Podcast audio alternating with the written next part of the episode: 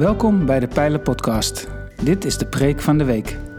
Luister naar de Bijbelse boodschap die verkondigd is. We hopen dat je groeit in kennis en liefde voor Jezus Christus. Op 28 maart heeft Henk Bakker gepreekt over geloofsopvoeding. Het is de vierde en laatste preek uit een serie van vijf zondagen waarin we stilstaan bij de kracht van het evangelie in de opvoeding. Eigenlijk gaat deze preekserie iedereen aan. Want wie nadenkt over de kracht van het evangelie in de opvoeding, die ontdekt dat dit ook erg raakt aan de manier waarop we zelf omgaan met onze relatie met God. De preken vliegen we thematisch aan. We maken gebruik van de 14 evangelische principes die Paul Tripp uiteenzet in zijn boek over opvoeding. Iedere spreker heeft één principe uitgekozen om uit te werken. Henk spreekt over principe 14, barmhartigheid. Geen enkele ouder is beter in staat om barmhartigheid te betonen dan de ouder die zich goed bewust is van zijn eigen behoefte aan barmhartigheid. Henk spreekt onder andere over koorden van liefde en tuimelruimte voor een kind. Goedemorgen, broeders en zusters. Ook gasten, als u meekijkt, goed om samen na te denken over opvoeding. Dank voor de uitnodiging. Ja, opvoeding. Ik heb voor het thema barmhartigheid gekozen. En dat heeft een aantal redenen. Ik ga straks lezen uit 1 Corinthië 13. Maar het heeft vooral te maken met het feit dat het zo'n enorme taak is. En om aan die taak te voldoen, zul je werkelijk ook uh, geïnspireerd moeten worden.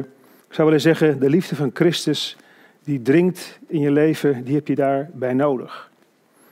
Maar opvoeding is niet alleen iets, en Tom gaf dat al aan, van ouders op kinderen. Opvoeding is ook iets wat tussen mensen gebeurt. Je kunt ook geestelijke ouders zijn, geestelijke verantwoordelijkheden hebben.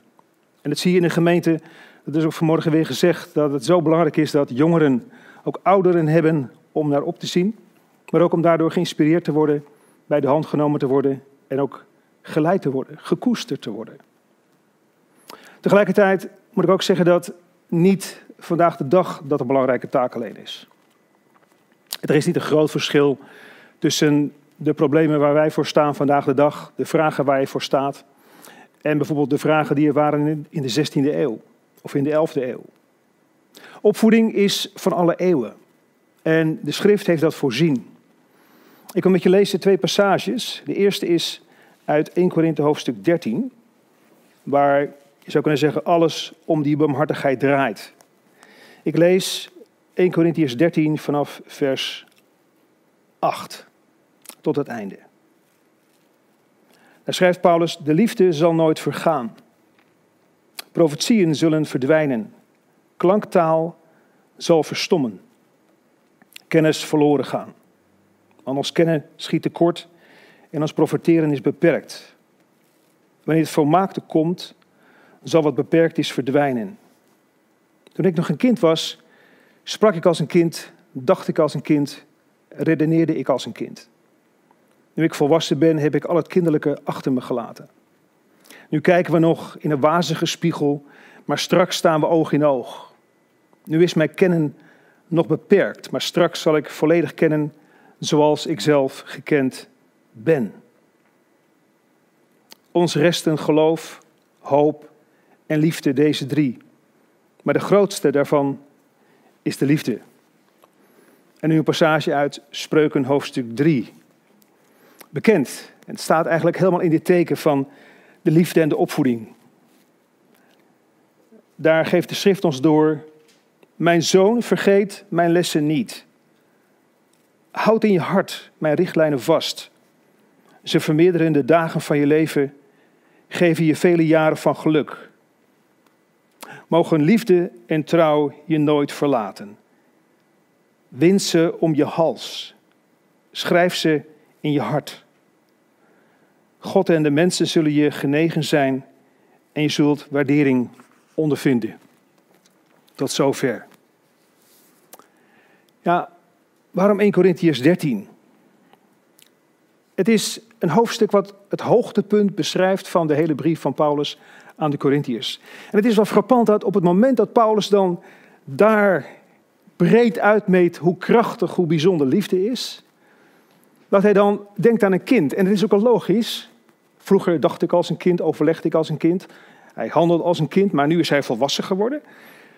Logisch, omdat je zou kunnen zeggen, je vanuit het denken over liefde en zorg, je bij een kind inderdaad ziet dat alles daarbij uitkomt. Je zou kunnen zeggen, kinderen halen het uiterste, het meest diepe in je naar boven.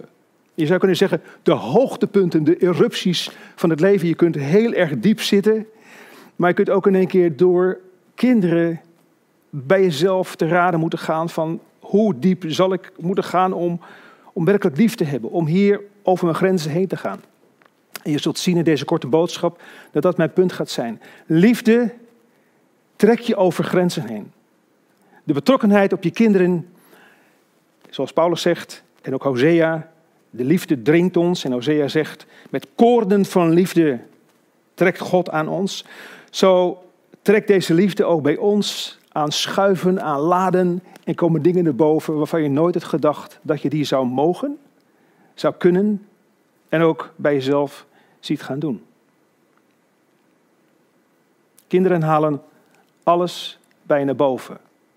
En dat merk je ook in alle culturen. Ik bedoel, Paulus schrijft dit, maar ja, of je nou in het verre oosten woont, of in het verre westen, of in het verre zuiden, overal zijn kinderen bijzonder. Overal worden kinderen gezien als een geschenk. Wat je moet koesteren, wat je moet opvoeden, maar vooral waar je in moet investeren vanuit de liefde. Nou, laten we met elkaar dan die passage wat nader gaan bekijken. Ten eerste zegt Paulus hier, de liefde zal nooit vergaan. Nou weet je, onmiddellijk merk je welke kant dit uitgaat. Want Paulus zegt eigenlijk, ja, en dit ook maar een opvoeding, alles kan op een zeker moment aan de kant geschoven worden. Hè? Kinderen kunnen opgroeien in weelde, in luxe, maar dat is niet het enige wat nablijft. Je zou kunnen zeggen dat vergaat. Veel dingen van buiten zullen kinderen zich niet altijd meer herinneren. Maar wat ze zich wel herinneren is, is de liefde, de aandacht. De grenzen die je als ouders overgaat met je kinderen. Momenten van diepe vergeving. Momenten van herstel. Momenten dat het erop aankomt. Ik heb het wel eens met studenten over colleges. Ik ben 35 jaar docent. Ehm, en dan praat ik met studenten die nu zelf kinderen hebben. En dan zeggen ze, nou, nou meneer, eh, het zijn niet zozeer de vakken of de inhouden die ons zijn bijgebleven, maar vooral je houding. Hoe je met studenten optrekt. Hoe je een voorbeeld voor die, voor studenten was. Hoe je met ze meeleefde in privéomstandigheden. Hoe ik soms met ze ben gaan zitten en met ze ben gaan bidden en God zoeken. Of dat ik ze opzocht in het ziekenhuis, dat kwam wel voor. Dat zijn de momenten van liefde die blijven. En Paulus zegt het hier zo mooi. De liefde vergaat dus nimmer meer. Maar de rest zal wel vergaan. Nou kijk hoe hij dan toewerkt naar die uiteenzetting over kinderen. Vers 10. Wanneer het volmaakte komt, zal wat beperkt is verdwijnen. Toen ik nog een kind was, sprak ik als een kind, dacht ik als een kind, redeneerde ik als een kind. Wat Paulus hier zegt is wel interessant, want eigenlijk, als je naar vers 10 kijkt, dan ziet hij de liefde als dat volkomene. De liefde kan groeien, de liefde kan steeds meer uitrijpen, volwassen worden, ook stevig worden van buiten en stevig worden van binnen. En dan zegt Paulus hier, als dat volmaakte komt, dan zal wat beperkt is verdwijnen. En dan denkt hij ineens aan een kind. Dus als je in die liefde investeert, als die liefde rijp wordt, stevig wordt, dan is dat een liefde die uiteindelijk ook een kind ervaart, waardoor een kind de onvolkomenheden laat liggen. Ik mag ik, toen ik nog een kind was, sprak ik als een kind, dacht ik als een kind, redeneerde ik als een kind. Nu ik volwassen ben, heb ik het kinderlijke achter me gelaten. Dus wat Paulus zegt is dat als je in de liefde groeit, de kinderachtigheden, het kinderlijke vanzelf verdwijnt. Wij hebben kinderen opgevoed, ze zijn nu volwassen. En het is precies wat je ook ziet. Een van mijn kinderen had op een zeker moment een lijfspreuk. En die had ik ooit een keer gebruikt in een gesprek met haar. Ik heb ooit gezegd tegen haar: De tijd is je grootste vriend. weet ook dat je kunt wachten soms ten aanzien van bepaalde zaken. En dat had ze als een lijfspreuk op een zeker moment ergens aangegeven. En ze heeft dat gezien dat het waar is. De tijd is je grootste vriend. Vroeger en door de jaren heen ga je dingen afleggen. Je wordt rijper in je gedachten, je wordt rijper in je gevoelens. En kinderachtigheden, die laat je op den duur vanzelf los. Als de liefde groeit in je, in de omgang met mensen, dan word je volwassen. Dan gaan je nesthaartjes er als het ware uit. En interessant is dat dat niet alleen bij een kind gebeurt. Het, boeiende is dus dat, dat als je opvoedt, als je ouders bent, en ik kijk je nu aan, dat je ook bij jezelf tegen die kinderachtigheden nog steeds aanstoot. Want je ziet jezelf in je kinderen, in je dochter, in je zoon, of in degene die je opleidt en opvoedt. Hoe vaak ben ik niet tegen naïviteiten bij mezelf aangebotst? Niet alleen kinderachtigheden, laat ik maar gewoon zeggen, het is een reflex om af en toe geestelijk de duim in de mond te doen. Of in de fuitershouding te gaan liggen van, nou heb je mij geraakt. Nu gaat het over mij. En hoe vaak is het niet, is het niet dat mama eigenlijk belangrijker is dan haar dochter? Of dat vader belangrijker is dan zijn zoon? En dat je allerlei verwachtingen projecteert op je kind. En dat je denkt van, hoe komt dat nou dat ik me daaraan erger en irriteer? Kinderlijkheden. Of je nou 25 bent, 35, 45, kinderachtigheden. Soms zelfs infantiliteiten. Dat je zo in je fuitershouding gaat liggen als vader, als moeder, alsof het om jou draait, dat je er niet overheen kunt stappen. Maar dat je eigenlijk geraakt bent in je diepe kind zijn. Dat je je neshaartjes nog niet kwijt bent. Dat de geestelijke duim dus in je mond gaat. En dat je merkt, ik moet met God hier overheen stappen. De tijd is je grootste vriend. Maar ik moet wel zeggen, soms verliezen we die kinderachtigheden maar langzaam. Paulus heeft het over het kind, concreet, maar Paulus heeft het ook over het kind nog steeds in mij, het kind ook nog steeds in u. Grow up, zegt hij eigenlijk. Maar goed, uiteindelijk komt daar volwassenheid. Zeg maar het puberbrein of het kindsbrein of zoals iemand ooit zei, het reptielenbrein, wat nog steeds ook bij kinderen en bij volwassenen aanwezig is. Wat zijn de reflexen die niet boven komt? Neem het voor jezelf op, geef iemand een linkse, scheld iemand uit. Je voelt die woede komen. Uiteindelijk kun je het beheersen door de ervaring. En Paulus gaat door.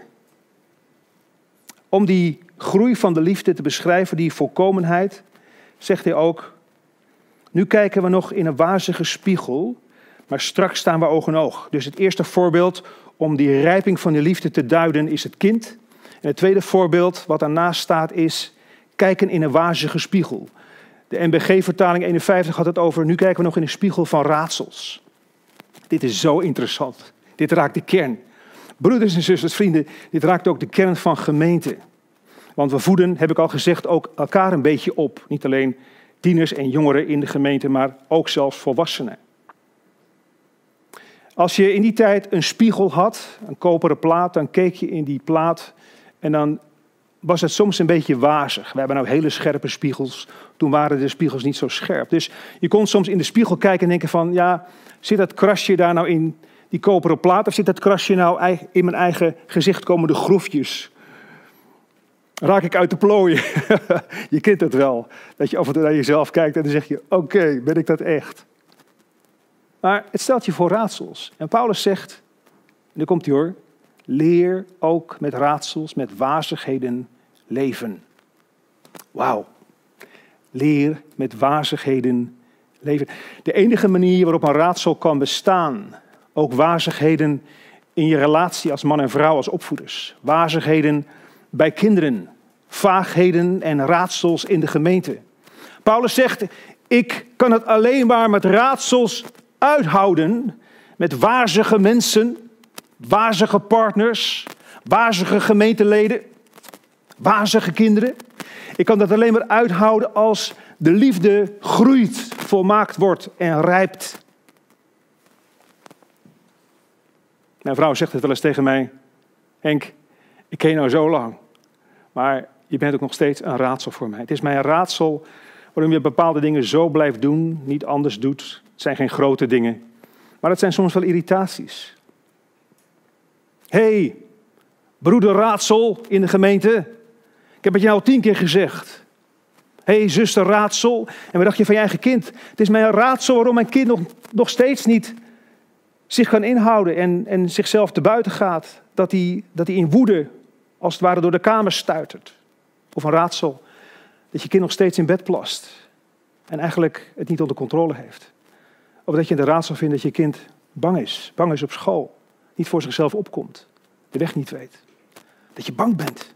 Bang bent om je kind. Dat je voor grote raadsels staat. Maar ook raadsels in je huwelijk. Dingen die je wel dwars zitten. Die je niet begrijpt van je partner. Of je vriend of je vriendin. Hoe kun je met raadsels leven? En ik heb er gehad. Ook in de opvoeding. Voor momenten gestaan dat ik dacht, mijn God, waar gaan we heen? Wat gaat er gebeuren? En dat je merkt, nu moet de liefde groeien, volmaakt worden. Nu moet ik tot volwassenheid komen. Ik kan niet met de duim in mijn mond gaan zitten, in de fuitershouding op de bank gaan liggen. Nu moet er gehandeld worden. Dit raakt niet mij, maar dit raakt vooral mijn kind, mijn dochter, mijn zoon. Raadsels. Ik zeg het nog een keer, en het is misschien wel de belangrijkste boodschap van de hele ochtend. Alleen door diepe liefde, diepe commitment, kun je met raadsels leven. En ga niet ontraadselen. Ga niet proberen ieder raadsel op te lossen. En vooral het proberen te duiden. Op verstandsbasis alleen. En natuurlijk, als je naar een arts moet of naar een psycholoog, dan gebeurt dat. Maar voor ons is het vooral van belang, zegt Paulus, dat je met een raadsel leert leven, omdat je de liefde kent. Liefde leert met raadsels leven, hoe lastig dat soms ook is. En wat het ook van je vraagt. Het derde punt, wat Paulus naar voren haalt, en hou dit vast, want dit raakt ook weer de kern, zegt hij, nu kijken we nog in wazige spiegel, straks staan we oog in oog. Nu is mijn kennen nog beperkt, maar straks zal ik volledig kennen zoals ik zelf gekend ben. De tijd is je grootste vriend. Paulus zegt het ook in de Galatenbrief. Nu jij God hebt leren kennen, meer nog door God gekend zijt. Ook dat zie je in de opvoeding. Je kent je kind beter dan het kind waarschijnlijk zichzelf kent. Je kent hopelijk jezelf ook vrij goed. En daarin ben je geborgen. Daarin mag je fouten maken. Ik zeg wel eens valruimte. Tuimelruimte voor kinderen. Dat ze soms omgaan. Dat ze alles omgooien. Dat je haar door de war gaat, geestelijk gezien, in ieder opzicht, als vader en moeder. Dat je denkt van wat gebeurt er nu? Een tornado door mijn huis, niet alleen letterlijk, maar ook figuurlijk. Dat de dingen van zijn plaats gaan. Dat je denkt, ja, maar nu kan ik niet meer werken. Ik moet even met mijn armen over elkaar gaan zitten. Ik moet andere dingen gaan doen. Kinderen kunnen je leven behoorlijk in de war schoppen. En tegelijkertijd zegt Paulus, dit hoort zo te zijn. Een kind moet gekend zijn. Een kind moet weten dat het dingen door de war kan gooien. En dat het toch aanvaard is. Onvoorwaardelijke liefde. Wat ik al zei, de liefde trekt je over grenzen. Ik heb dat zelf soms gemerkt in situaties. Dat ik dacht van, ik ga nu een grens over. Nooit gedacht dat ik dit moest gaan doen. Om te laten zien en te laten voelen dat ik mijn kind lief heb. Zelfs in onveilige situaties. Maar dat je dan merkt dat de liefde groeit en rijper wordt. Ik heb ervoor gekozen om dat avontuur van de liefde, die over grenzen heen trekt, aan te gaan. En alle smaken van het leven te kennen. Mijn angsten onder ogen te komen, mijn tranen onder ogen te komen, mijn onvermogen onder ogen te komen en toch een stap te zetten en je dochter te pakken of je zoon te pakken of je partner op af te stappen te zeggen, de liefde trekt me over grenzen. Ik vergeef jou. Of ik, of ik heb een paar lastige vragen over jouw raadsels. Maar dat je de relatie onverbrekelijk vindt. Want het onverbrekelijke van die relatie als opvoeder, als vader en moeder, maakt dat je van binnen ervaart dat je over die grens heen getrokken wordt. En die grens is belangrijk. We noemen dit ook wel unbounded love. En je ziet het, ik heb het al gezegd aan het begin van de preek, in allerlei generaties naar voren gekomen. In de 18e eeuw, grote opwekkingen in Noord-Amerika bijvoorbeeld, sprak men over unbounded love. Dat de geest van God over de gemeente komt en dat mensen allerlei reserves naar elkaar, raadsels, vaagheden, beschuldigingen, uiteindelijk wegnamen en aan de liefde van God gaven. En door de geest vervuld werden en in staat waren lief te hebben zoals God dat bedoelt. Liefde die volmaakt wordt, die niet beschuldigt. Johannes zegt het zo mooi. Ik heb het net nog even opgezocht in de eerste brief, hoofdstuk 4. Dat volmaakte liefde, en dan zie je het weer, het volmaakte als dat komt, is het oude afgedaan, zegt Paulus. Als volmaakte liefde komt, dan drijft het de angst uit. Dus je moet je angsten onder ogen komen over je kind of over anderen, degene over wie je gesteld bent. En dan is de vraag van, mag de liefde van God oprukken? Mag, mag de liefde van God die angst aanraken? Mag het in de handen van Jezus komen? Je gekwetstheid, je voorbehoud, je teleurstelling over je kind. Een kind proeft dat. Papa, ben je teleurgesteld in mij? Mama, ben je teleurgesteld in mij? Ik heb een dochter geadopteerd, twee. Papa, had je liever een andere dochter gewild? Dat denk ik wel, hè? Je had liever een andere gewild die dit niet had gedaan. Een kind proeft dat. En dan komt er een moment dat je hart breekt. Dat de kind merkt van nee, ik ben veilig. Ik ben veilig. Als een kind dat ervaart, unbounded love in een gemeente, want ook gemeentes zijn soms onveilig, of thuis, als de thuissituatie gelukkig niet onveilig is, dan kan een kind zich overgeven, dan voelt een kind zich aanvaard. Unbounded love. Deze liefde is dus niet maar een smartlappenliefde. Het is niet een flower power liefde van love, love, love. Nee, deze liefde is hartstikke dapper. Weet je dat het van dapperheid getuigt als je je angsten onder ogen kan komen? De angst om je kind.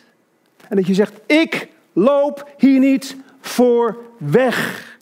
Ik ga met de liefde van Christus het gevecht aan. Liefde maak je niet tot een watje. De liefde van Christus gaat het gevecht aan.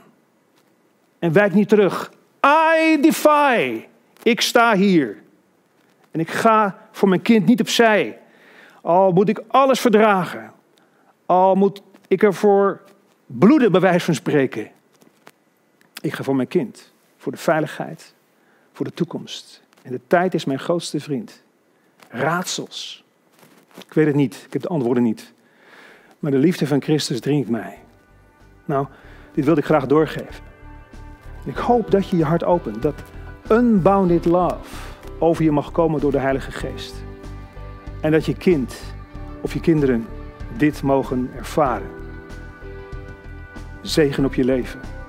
Zegen op je opvoeding.